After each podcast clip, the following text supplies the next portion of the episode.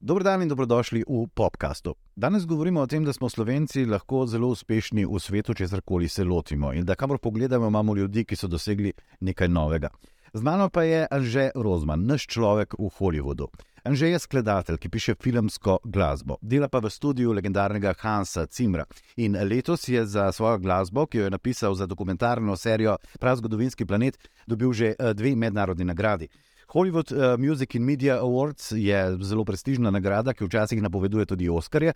Uh, zdaj pa je nominiran še za ASCAP-ovo Composer's Choice Award, ki je zelo primerna za to in zelo dragocena za to, ker jo podeljujejo sami skladatelji. Torej, uh, z mano je precej. Uh, Uveljavljen skladatelj, nagrajen skladatelj, ki pa na mojo srečo je nekdo, ki ga pozna že leta, zato se bo zdaj le tikala, ko govoriva. Že dobrodošel nazaj v Slovenijo, vsaj za nekaj deset dni. Hvala.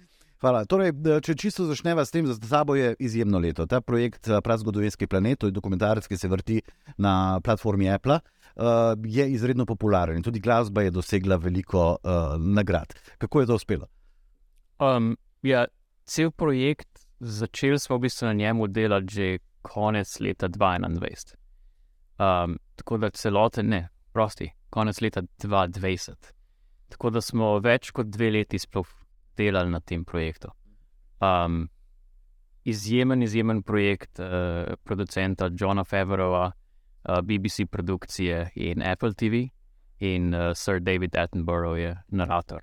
Um, jaz sem pa že od malih nog velik fan dinozaurov.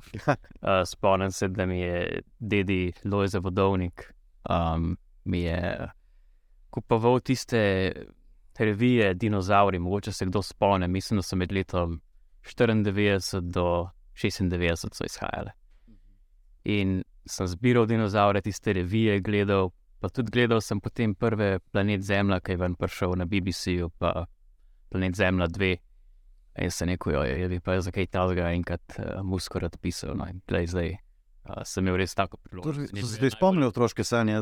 Ja, en, en najbolj izjemnih um, tako, in srčnih projektov, na katerem sem lahko delal. Zdaj, zraven bodo tudi linki, ker bodo lahko slišali, kako zveni ta tvoja glasba, ko si dal ta zvok dinozaurom. Uh, kar je zanimivo pri tem projektu, je, da ste izumili nove inštrumente za to. Tako je. Um, skupaj s Hans Zimmerjem in Karo Talve smo bili komponisti. Um, in s Karo smo šla leta 2020 v Sedono in Sedona v Arizoni. In sva uh, naletela na eno trgovino um, uh, ameriških indijancev, kjer so prodajali razno razne inštrumente in kosti, in meteoriti so bili tudi v tej uh, trgovini, in uh, fosili. In takrat, ko sem bila obkrožena s temi razno raznimi zanimivimi zadevami, rekel, kaj pa če bi iz, uh, iz surovin teh, v bistvu teh ostalih dinozaurov. Ja, kar lahko raziskujemo od dinozaurov, so v bistvu fosili, kar so okamenjali v kosti, več ali manj. Um, kaj če bi iz teh surovin uh, naredili svoje inštrumente za, uh, za šov? Tako da smo potem uh, smo izdelali uh, tako imenovan Raptor violin, to je bil prvi prototip, smo uporabili kost, uh, mislim, da golenico srne in čez uh, struno od čela napeljali in nek kontakten mikrofon gor dal, in smo to spustili čez. Uh, Pač vklopili v vršterker in probali, in je bil zvok res izjemen. Da, potem smo podobno že naredili muflonovo kost na čelo. Torej, lahko rečemo, da to ni veganska glasba, kar bomo ni, lahko slišali. Veganska, ampak lahko pa rečem, da vse, vse te kosti, ki smo jih v te um, uh, v tej trgovini kupili, so Indijanci ali uh, uh, našli, ali pa da so bili pridobljeni na nek human način. Um, tako da to tudi tam v trgovini povejo. Edino, ne vem, smo rejali tudi, tudi to, uh, ta raptor vedin iz uh, fosilizirane kosti um, konja, ledeno, do, ledeno dobnega konja. Tako da nismo mogli dinozavrskega fosila mogli dobiti. In taka inovativnost je pravzaprav bila kar eh, sprejeta. To je nekaj, kar je, kar je dal dodatno vrednost eh, delu. Ne? Ste tudi v glasbi se da biti zelo inovativen, nismo še vsega povedali. Seveda, pač pri filmski glasbi, oziroma za, pri glasbi za medij, medije, se je treba zavedati, da kot skladatelj si ti del ekipe. Um, ti si samo nek mečken košček. Uh, kot koncertni skladatelj ali pa popi, pop uh, producent. Um, uh, je v bistvu ekipa precej manjša in ti, mislim, kot koncertni skladatelj, si ti sam svoj šef in v bistvu, če dobiš neko naročilo, napišeš kar kar hočeš. Uh, pri glasbi za medije pa je pa pomembno, da kot skladatelj znaš povedati zgodbo in znaš čez glasbo prenašati emocije um, te zgodbe in upoštevati želje naročnikov in želje režiserja, ker oni, oni vejo, katero zgodbo hočejo sploh povedati. Zdaj, pri dinozaurih, uh, seveda, smo vedno vajeni te orkestralne glasbe, že od um, Jurskega parka, od Johna Williamsa naprej. Um, in imeli smo na razpolago BBC National Orchestra of Wales za uh, predzgodovinski planet, za Prehistoric Planet. Vedeli smo pa, da pa hočemo neki, še neki. Nekaj drugega, da neki, ne bom rekel, ne vesoljska, ni prav, prav um, prava beseda. Nekje novo. Outerworldly je, ne vem kako za to slovensko. Nadzemljsko, čezemljsko ali pa iz drugega sveta. Tako da te, te unikatni inštrumenti, ki smo jih izdelali, so skos, um, jih skozi uporabljamo čez celotno glasbo. In ko jih ljudje slišijo, je, se nekaj premakne v možganjih, se mi zdi, da je to, to je pa. To je pa nekaj malenkost čudenega, malenkost uh, drugačnega. Um, snemali smo tudi zelo druge čudne inštrumente, recimo subkontrabasovsko flauto, subkontrabasovski saksofon, uh, en turk je izumil inštrument Jabahar, ki zveni čist vesolsko. Um, in smo te inštrumente potem skupaj z orkestrom uporabljali in res naredi potem unikaten zvok za, za projekt. Da, ko ljudje slišijo to glasbo, rečejo: to je pa, to je pa prehistoric planet, to ne more biti kaj drugega. Zdaj, če bi bil to Hollywood, bi lahko rekel, da so za intervju začela z neko nekonvencionalnim scenarijem in sva začela pri happy koncu, oziroma pri trenutni situaciji. Torej, pred mano je Anže Rozman, skladatelj skupine Bleeding Fingers pod vodstvom Hansa Cimra, ki dobiva mednarodne nagrade, ki je eden od 13 eh, skladateljev v tej založbi. Ampak eh, še ne tako dolgo nazaj bil pa Anže Rozman, pač mlad skladatelj, fant iz okolice Ljubljane. Je takrat že sanjal, da bo nekoč delal to, oziroma kdaj je začel sanjati, da bi pa nekoč pisal uh, glasbo za velike holivudske projekte? Glih, uh, včeraj sem pospravljal svojo škatle uh, iz svoje stare sobe, ki jih je moj brat uh, in njegova žena sta mi lepo preuredila mojo staro sobo v tako zdaj lepo spalnico, da, da ne pridem domov v sobo 15-letnika. Uh, 15 no, in sem te škatle pospravljal in sem najdel. DVD Gladiatorja. Um, uh, pač glasbo je napisal Hans Zimmer.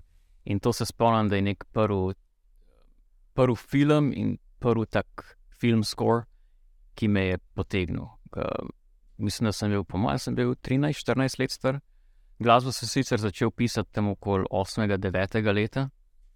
Um, in ta nek žar, da, na, da čutil sem vedno, da to, kar slišim v glavi, da hočem pisati. Uh -huh. um, in pol sem kar ene deset let bil zelo za noč, se mi zdi. Ampak, ali pa mogoče celo tudi 15 let. Uh, ampak sem delal in sem res pisal in pisal in pisal, in to je bil moj največji hobi in največja strast. Um, in iz tega dela je potem tudi pridejo neka priznanja in um, Torej, začel si tako, da si prebral na CD-ju glasba Hans Zimmer. In danes. Mislim, da v End Credits. In danes sem to gledal. In potem sem bratu kupil še soundtrack, album uh, Gladiatorja, in potem na koncu, ker se spomnim, sem jaz bolj to poslušal kot on. Ja, vse si kupil za njega, uh, za neko praznik vredno. Sva, ja, in smo bila oba dva fana Hansa Zimmerja. Mm -hmm. Zdaj, če te, verjetno, verjetno napeljuješ, kako sem ga potem spoznal. Da peljujem, ampak najprej bi vprašal tako, danes pa mi lahko beremo glasba Hans Zimmer in Anže Rozman. Ja. Včasih obratno, če dajo abecedni seznam. Ne? Eh, Kako pa je ta občutek zdaj? Si si predstavljal, da bo enkrat pa to pisalo na, na Nikoli, koncu? mislim, nikoli si nisem niti upal predstavljati.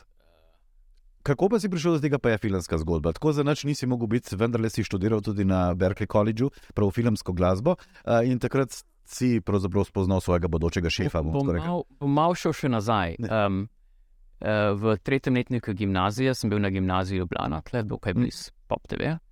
Sem se upisal tudi na srednjo glasbeno in baletno šolo. Um, Ljubljana, v smer glasbene teorije. In takrat me je učil um, Janez Osredkar, moramo imeti svoje, vse svoje mentorje. On je bil en izmed prvih, ki me je začel res podpirati pri komponiranju. Potem sem se upisal na Akademijo za glasbo, uh, je bil moj mentor uh, Jani Golop in on mi je dal en največjih nasvetov, um, ki jih še zdaj nosim v sebi. Je rekel, da pisati moraš, instrumentalisti vadijo svoj inštrument vsak dan, tako da ti moraš tudi komponirati vsak dan. Uh, in vsako, mislim, da vsak torek sem imel uro, je rekel, vsak torek moraš prenesti nekaj napisan. Če nisi nič napisal čez teden, poklič pa ti, ni treba prijeti na uro. In mislim, da sem to izkoristil enkrat ali pa dvakrat v štirih letih. Uh, tretja oseba, ki moram pomeniti, je pa Aldo Kumar. V tretjem letniku uh, študija na akademiji me je povabil k sodelovanju, uh, da sem z njim napisal um, glasbo za film Neistrejen na boj. Uh, in to je, to je bila moja prva izkušnja z v bistvu prava za pisanje za film. Tako da od njega sem se tudi zelo veliko naučil. In potem, po končanem študiju na akademiji, sem šel na Berkeley College of Music, uh, smer filmska glasba. To je bilo leta 2013. 2014, ob koncu študija, sem uspel v London. In to je pa zdaj ta, je da pa dam zdaj pravilni uvod, ne, to je pa zdaj ta holivudska zgodba, kako si prišel do tega, ki zveni res nekaj kot nekaj iz filma. Ne? Ja, um, smo šli v London, v Slaven Air Studios, uh, smo imeli na razpolago 54-članski orkester, da posnamemo triminutno skladbo um, svojo. Um, in imeli smo tako srečo, da je med istim časom, v bistvu Berkeley je zakupil za dva dni studio. Christopher Nolan in Hans Zimmer sta pa takrat med vsemi drugimi dnevi, razen te, ta dva dni, imela zakupljen studio za snemanje glasbe za uh, Interstellar, medzvezdje. Tako da, ko smo mi tja, tja prišli, uh, so bili tam Hans Zimmer, Christopher Nolan uh, in tudi Sir George Martin. Malo slabe volje, ker so bili brez studija. Malo, malo slabe volje, ker so bili brez studija, ampak on me je že nekako, Hans me je prek, prek Facebooka sva bila povezana, ker jaz sem takrat organiziral neke Skype z skladatelji iz LA za mene in moje sošolce. Tako da sem tudi njega probo dobiti, da bi se z nami, z nami malo pogovarjal, kako je. Uh, tako da me je prepoznal. Tako da takrat sva se malo pogovarjala, potem ob eni špinačni juhi. In uh, čez nek, čez kakšen teden ali dva tedna po snemanju sem svoj posnetek objavil na internetu in je on ta posnetek zasledil, uh, on, Hans, in me je potem poklical po telefonu, da mu je ful všeč, kar sem naredil, in da zdaj ni več jezen, da je, je Berkeley mu ukradel studio. Um, in pa se ostala v kontaktu, in uh, po Berkeleyju sem šel nazaj v Slovenijo, in po štirih letih uh, sem potem en dan ga v bistvu poklical in rekel, vprašal, če je kakšna možnost, da pridem tja. Malo pogledati, malo biti nek asistent. In uh, na na koncu je pa razpletel tako, da so me povabili kot uh, komponista in sem tle. Ja, in se zdaj tudi že tam. dobro vedela, kaj dela. Ker če se prav spomnim, ko smo govorili to zgodbo, ne, ko si vprašal, če pošleš kakšno svojo glasbo, je ni bilo treba, ker so te več čas spremljali. Ja. Torej, Hans je tudi eh, velik fan Leibachov. Tako da sem z Leibachi veliko sodeloval in sem vedno te posnetke na Facebooku objavljal. In Hans je vedno komentiral. In on, on Leibach je poznal že od vsega začetka. Ne. tako da Lajbah eh, se niti ne zavedamo, kakšno s- pomen imajo v svetu. Ne? Glede tega.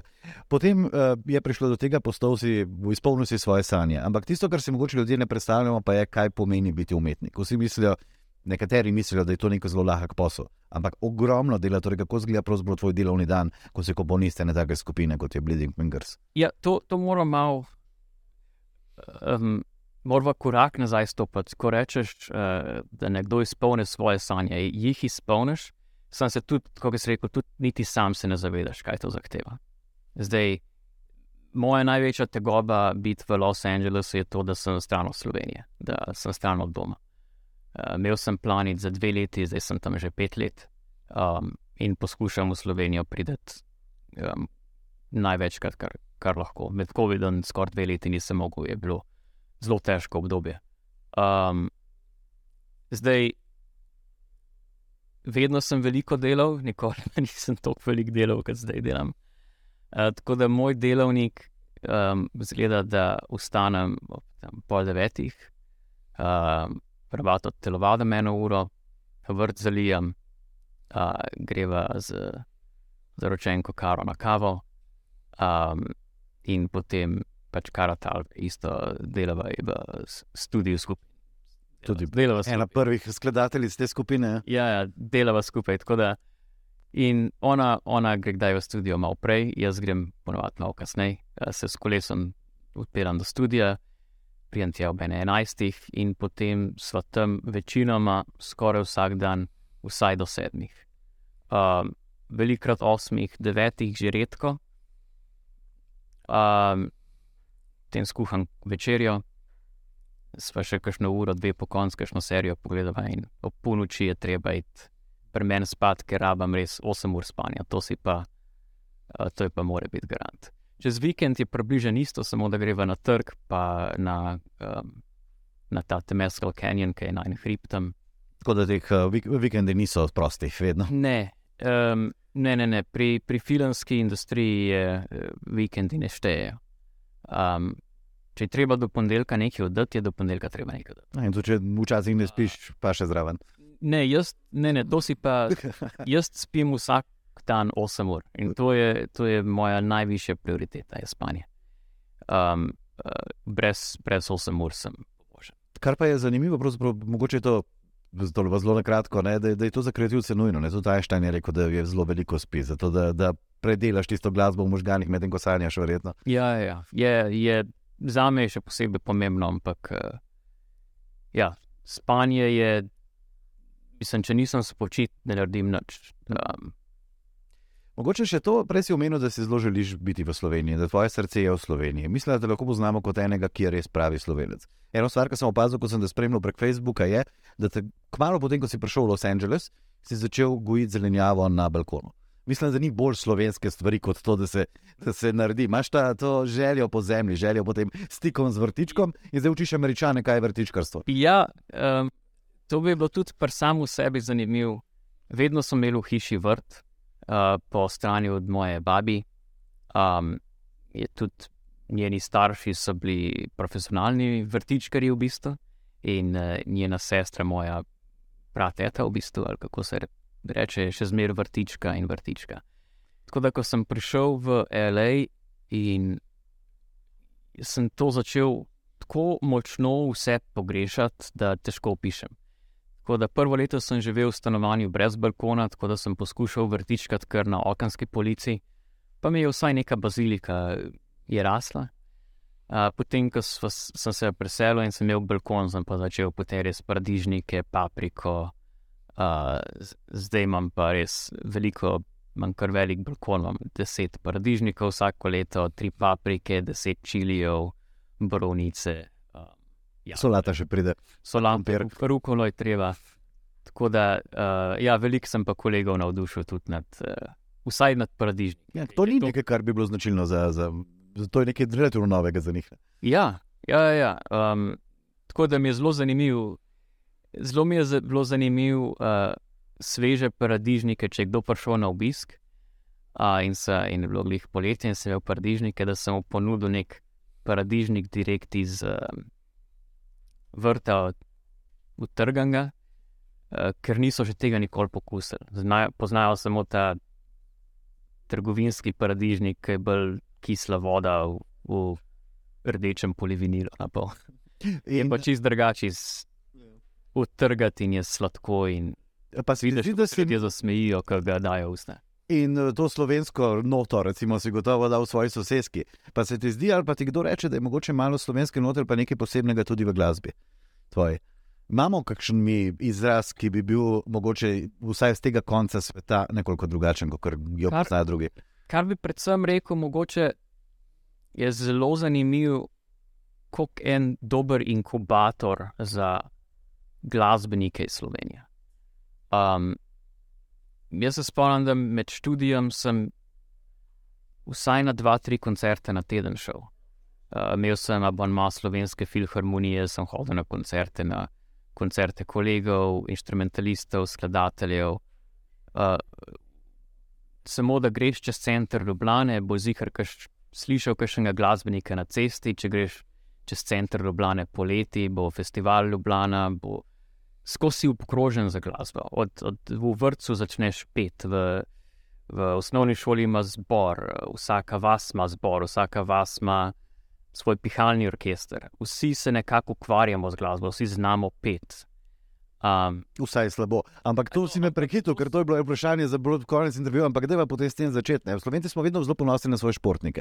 Pravimo, da smo mehna država, ki ustvarja neverjetno veliko število vrhunskih športnikov.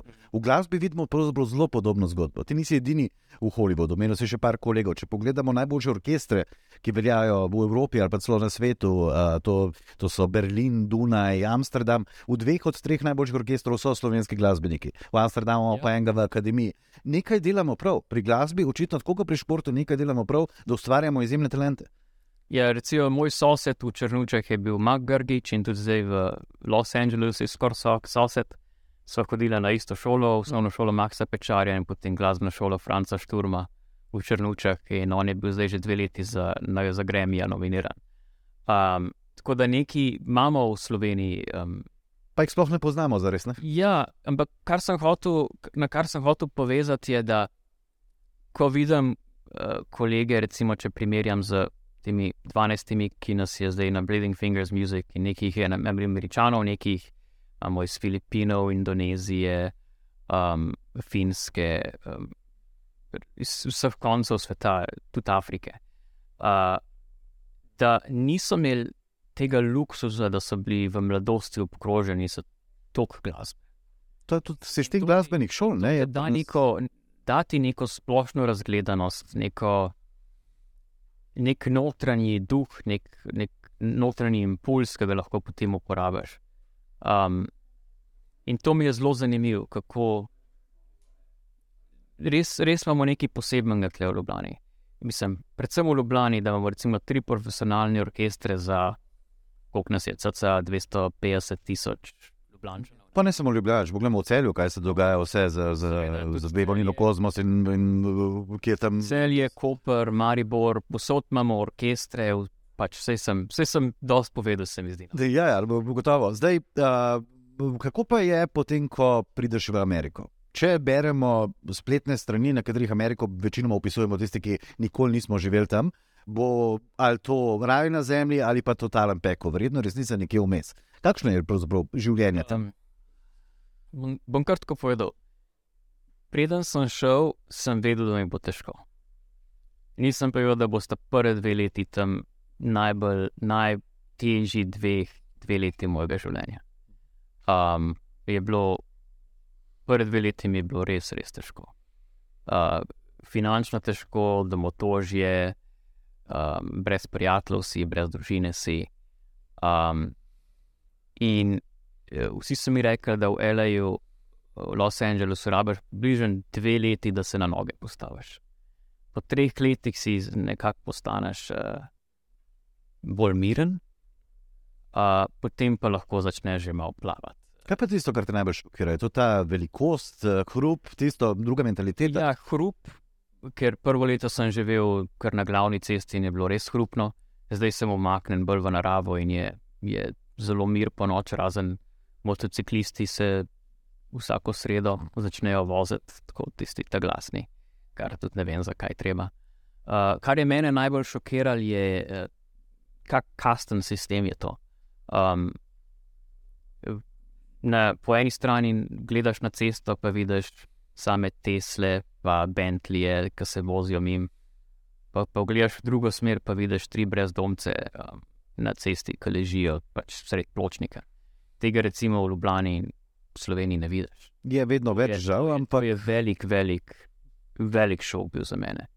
Um, in je res je nekako ta kasten sistem, kjer najvišje kaste ni, ker lahko gre zmeri višine. In, vi- in vidiš ljudi od čistega, čistega podna, brez ničesar, in ljudi, ki imajo toliko vsega, da,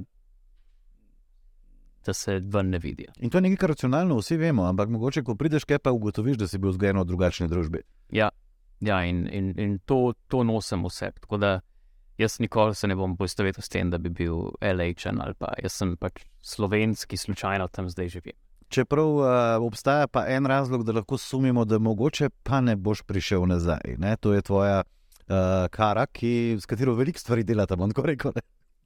Ja, se, ko se zaljubiš, se zaljubiš. Ja. Uh, tako da. Uh, uh, Tako da, ko govorimo o begu možganov, mogoče bolj govorimo o begu srca. Moj sošolc iz Berkeleyja, Snorri Hagrimson, islandski skladatelj, uh, ima eno skladbo Home, poslušajte na Spotifyju, mislim, da je zelo fajn. In je besedilo v tej skladbi je: um, Home is not a place, home is people. Torej, Dom ni, dom ni lokacija, ampak dom so ljudje. In s tem se lahko kar po- poistovetim, čeprav jaz bi iz mojega kolega popravil, da home is a place and home are people. ja, tudi vrtiček in, in da- uh, drevesa slovenska se da. Trenutno imam nekako dva, dva domova. Um, in, in mogoče bo tako celo življenje, mogoče ne bo. Uh, nisem pa, trenutno se uh, sam se pravim, da, da nisem geografsko vezan. S tem se gotovo malo šalo narediti, da vsi govorimo o begu možganov, mogoče bi mogli govoriti o begu srca. Ker uh, dejansko bi svoje, svoje delo ti zdaj pa že lahko upravljal, kar v Sloveniji in delo za američane preko svojega studia v Ljubljani. Do, do neke mere ja. Ja. Je pa, je pa vse so velike prioritete um, pri teh velikih projektih, da si, da si tam. Um, ker LA je vse, kar je, da bom še kar neko pozitivno stvar LA povedal. Ne? No, no. da če se obkrožijo s pravimi ljudmi, uh, je veliko zelo fajn ljudi tam in veliko um, zelo talentiranih, sposobnih in uh, uh, nadebudnih, ni prava bez, de, beseda, um, imajo strast do svoje umetnosti. Uh, in se lahko hitro poveže z izjemnimi glasbeniki, ki imajo inštrumente, ki jih še nikoli v življenju nisi videl. Um, vedno imaš pač celotna, celoten ta hub ljudi v filmski industriji je zelo povezanih in uh, ti daje to neko inspiracijo. Torej, je ta, ta- sredina lahko tudi izredno dobra, zelo, Ja, zelo je- je prijateljska, veliko- zelo navdihujoča. Ja, navdihujoča. Torej, veliko je zelo slabih ljudi, Hm. ampak to jih najdeš po celem svetu. Je pa tudi veliko zelo, zelo toplih in um, izjemnih ljudi. Tako da ljudje, vsi, vsi pravijo, da ljudje naredijo Los Angeles, um, kar je res. Ja. Mogoče še nekaj o tvoji glasbi, uh, ko smo omenili to tvojo navezanost na Slovenijo. Jaz sem se precej smejal, ko si pred leti nekič objavil, da je nek- eden od tvojih naročnikov ti dal komentar na tvoj prvi draft, na prvo verzijo skladbe, da je preveč flaute. In tvoj komentar je bil, pa kako je lahko preveč flaute, nikoli ni preveč flaute. Ja. Imaš neko ljubezensko zgodbo s flauto, ki pa se meni zdi zelo slovenska. Ja, um, jaz, ki sem začel študirati na akademiji, sem si zadal oseben cilj, da bom, ne bom pisal, ker ko študiraš kompozicijo, um, moraš pisati skladbe, ampak v bistvu ti profesor ali pa učni načrt pove, kakšne skladbe moraš pisati in koliko jih moraš napisati. In jaz sem rekel, ne, jaz bom pisal za svoje kolege in jaz bom pisal stvari, ki se bo izvajale. Tako da sem napisal prvo skladbo Pripoved gozdne nimfe, mislim, da za mojo kolegico Kajo Lešnjak, flautistko. In ta, ta um, skladba se je prijela, in je potem veliko drugih flautistov igralo, in tudi Matej Zupan, profesor, je dal to svojim študentkam, pa še leta, leta igrati. In tem sem kar nekako postal skladatelj za flauto in imam zdaj že nekako 4-5 ur muzike za flauto napisane. Kar pa je, kar pa je dosti slovensko, čisto zaradi tega, ker se mi zdi, da flauta je nek inštrument, ki smo mi pustili nek pečat v svetu, O, oh, ja. ja. Grafenauer, kot si omenil, te mladi flautisti, kot je tudi Ivanina Kozmos, katero ste delali skladbo Phoenix. Vse to omenjam tudi zato, da bodo lahko tvojo glasbo našli ljudje na internetu. Uh, je, je flauta neka, nekaj, ima, ima neko našo. Sem veliko flautistov že slišal, pa nisem nikoli slišal tako dobrih flautistov, kot jih imamo v Sloveniji. To pa, to pa res, um, res samo dobre flautiste. Ampak imamo na splošno res zelo dobre glasbenike. Problem je, da, sem problem, da je Slovenija mehna in da, da je težko prodreti v tujino, ne, ne rata vsem. Ampak velik, mnogim, zelo velikim. Zelo mnogim rata.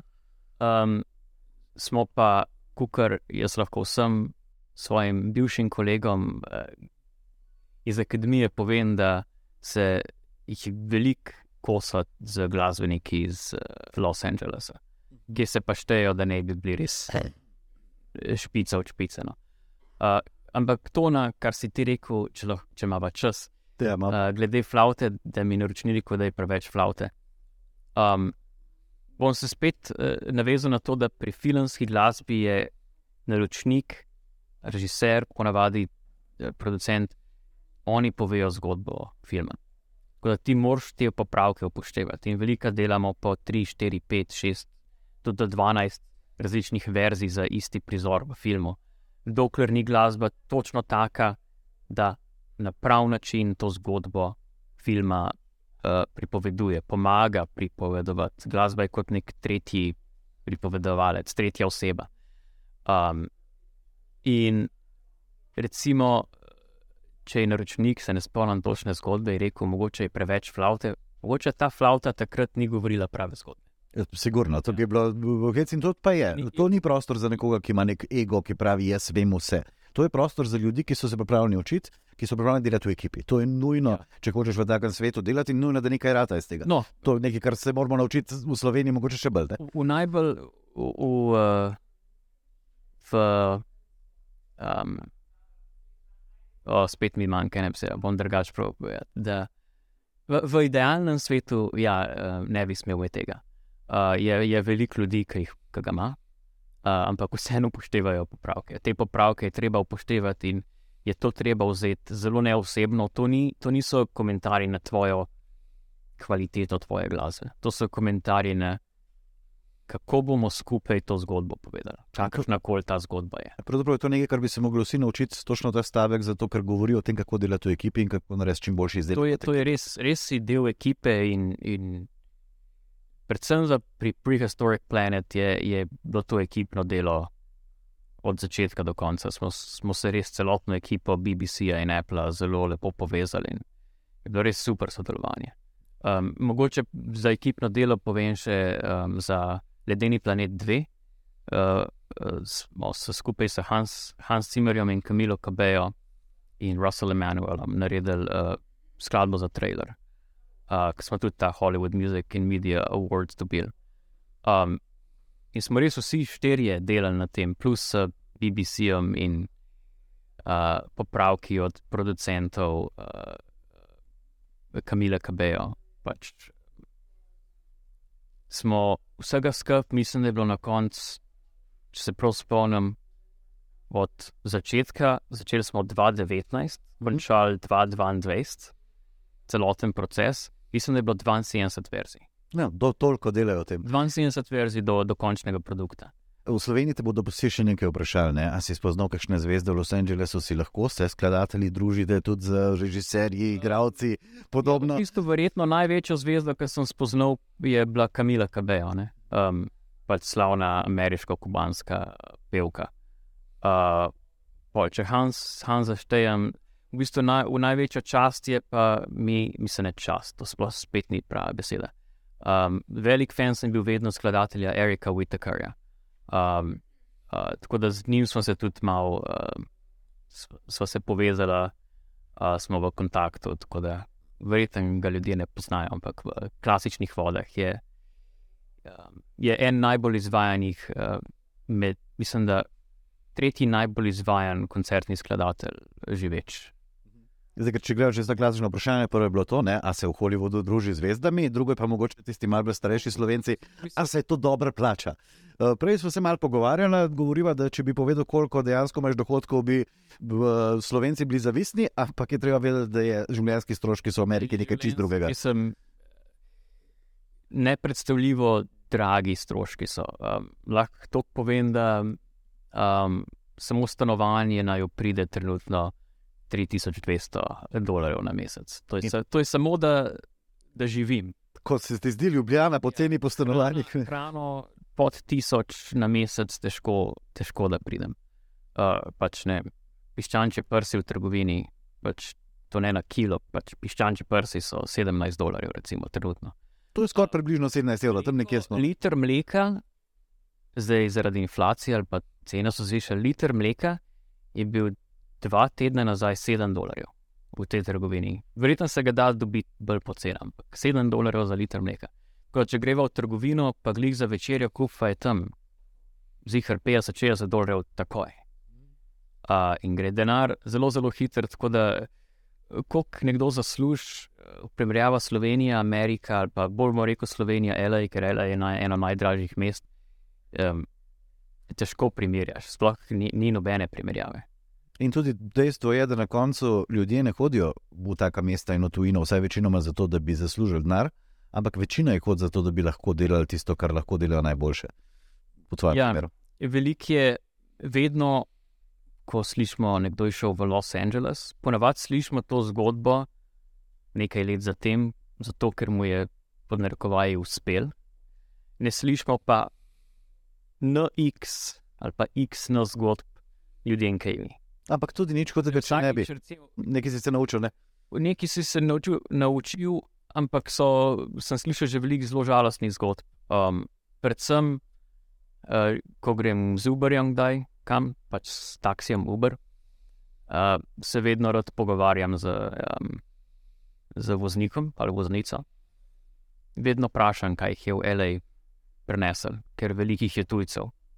Uh, in večinoma so zgodbe, sem hotel postati igralec, pevec, producent, uh, um, uh, ta pisec, kako se zove, scenarist, scenarist, itd. Tako da um, bom rekel, da če se desetkrat vozi z Uberjem, pa desetkrat to vprašanje vprašam, osemkrat ali pa devetkrat bom dobil odgovor, da so hoteli nekaj biti. Ali pa poskušajo še nekaj biti, pa so moče tam že 5-10 let. Sem pa tudi, recimo, se zančpelal za Uberjem, pa je bil um, možakar, ki je komi govoril angliško, ampak so vsem pogovarjala iz uh, Armenije, ki je pa um, vzel svojo družino leto ali dve leti nazaj, um, ker se je vojna začela in so popokali in šli. To so te zgodbe. Zelo Los Angeles pravi, da je to mesto izgubljenih sanj. Zato čisto vsak skoraj v Los Angelesu ima sanje, da bi neko želel v umetnosti, v zabavni industriji ali pa recimo 80% ljudi, vsem pa ne uspe. Ne? Ni, prostora, ni, ni prostora. Ja enostavno ni, ni prostora, če jih pride, recimo, samo za filmsko glasbo, eh, lahko naredijo na hitro računico. Ne? Iz Berkeleyja vsako leto iz filmske glasbe, če vzamemo magistrski in um, dodiplomski študij, vsak let Berkeley producira okoli 100 nadebudnih mladih filmskih skladateljev. To je Berkeley, pa imaš USC, je še 30, Seattle je še 30, London jih verjetno producira ne vem koliko, ampak to je samo, če vzameš Severno Ameriko, pa Britanijo, Veliko Britanijo, pa povzameš še cel, so, svo, cel svet. Jih recimo našteva, bom rekel, 1500 na leto novih diplomiranih filmskih skladateljev, recimo. Oziroma, neko cifra. Ne? Zdaj rečemo, da 50% od teh, recimo, verjetno hoče iti v LA. Vsako leto jih bom rekel, da na, na, nauč mogoče 300-400 novih mladih filmskih skladateljev pride v L.A., išče delo. Mm. Zdaj, ko jaz iščem svoje asistente, pišem ponovadi na Berkeley, pa mi pošljajo 100 um, rezumejev, od tega jih ponovadi pet povabim na intervju, pa en dobi delovno mesto. To je, uh, Ja, kar pa veliko pove o tem, koliko dejansko je tvoj uspeh. Ti si prišel pa direktno na mesto, sploh nisi prišel tja kot ja. asistent, ampak direktno na mesto skladatelja. To so cenili tvoj talent in to, kar so te naučili v Sloveniji. Ne, ja. ne, ne to, je, to sem samo lahko hvaležen slovenskemu sistemu, svo, uh, mojim mentorjem, um, pa svojemu trdnemu delu. In to so ti tudi dal sistem. In delo, in delo in znanje so ti dali Zagnanstvo, zagnanosti. Zagnanosti. Zagnanstvo. No? Ja, če nas poslušajo, frampi.ci, mislim, da smo pravkar razumeli novo slovensko besedo. Tako da, eh, čisto za konec bi rekel še to uh, idejo za prihodnost, tvoje želje. A imaš kakšne sanje, kaj bi pa počel? Zdaj, če gledam tvoje. Poznam tvoje s- v osnovne skladbe, bi rekel, a z mogoče sanjaš za kakšno fantazijsko serijo, da bi delal. Ker tvoje začetne skladbe Ja. ja. so bile dost, Feniks, eh, zmajčki, nimfe, vse te stvari. Ja, ja, imaš, imaš prav, da večinoma zdaj delam za dokumentarne serije o naravi in vesolju. Um, uh, lahko pogledate na BBC-ju uh, The Planets by Universe, uh, zelo dve fajn dokumentarni seriji o vesolju.